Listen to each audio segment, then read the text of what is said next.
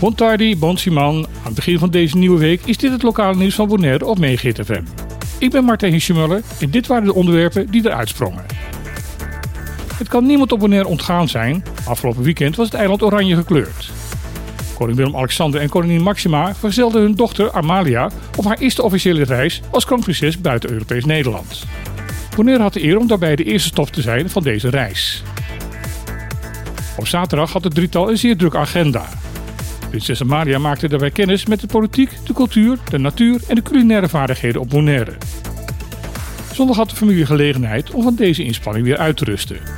Niet heel lang, want alweer in de middag moest de koning het hele gezelschap in het regeringsvliegtuig alweer overvliegen naar Aruba. Naast veel belangstelling en enthousiasme over het bezoek, was er ook kritiek dat Bonaire voor het koninklijk bezoek door de plaatselijke politiek was veranderd in een soort Potemkin-dorp. Dat wil zeggen dat er minder vrije plekken op het eiland voor het koninklijk bezoek waren verstopt achter mooie façades. Vandaag zet het koninklijk trio het bezoek voort op Aruba. Gisteren werd ook de Ride of the Roses gehouden. Na een aantal jaar dat dit niet mogelijk was door de COVID-crisis, kon het sponsorevenement te baat van de kankerbestrijding dit keer wel doorgaan.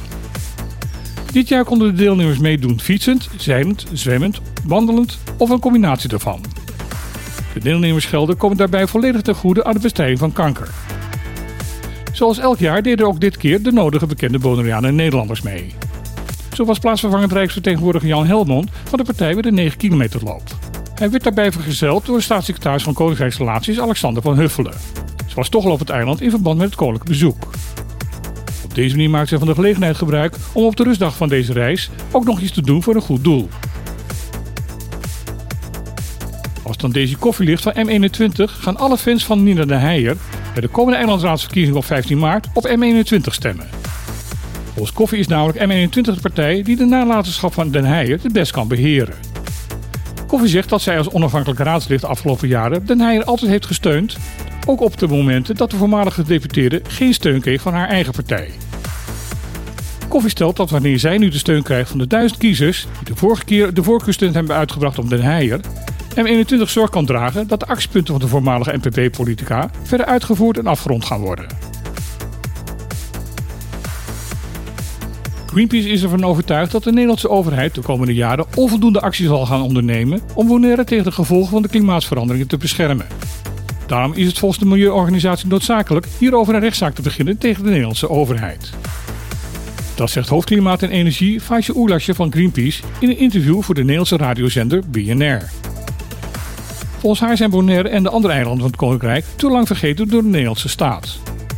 Na een onderzoek van de Vrije Universiteit uit Amsterdam zegt Oelasje geschrokken te zijn hoe weerloos Bonaire tegen de klimaatsveranderingen is. Volgens onderzoek zal Bonaire het eerste gemeente in Nederland zijn die onder gaat lopen. Daardoor zal ook veel van het huidige koraalrif verdwijnen. Dit heeft weer enorme gevolgen voor toerisme op het eiland en met voorsprong grootste bron voor inkomsten van Bonaire. De advocaat van Greenpeace, Emil Jurjens, zegt dat het tekenend is dat het onderzoek van de VU niet in de opdracht van de staat is uitgevoerd, maar dat Greenpeace hiervoor de opdrachtgever was. Nederland heeft als staat historisch gezien paar weinig gedaan voor Bonaire, volgens Jurjens. De verwachting is dat Greenpeace in de loop van dit jaar een pakket aan eisen bij de rechtbank zal gaan indienen. Dit was hier het lokale nieuws van vandaag op Megahit FM. Ik wens iedereen nog een hele mooie dag en dan graag weer. Tot morgen.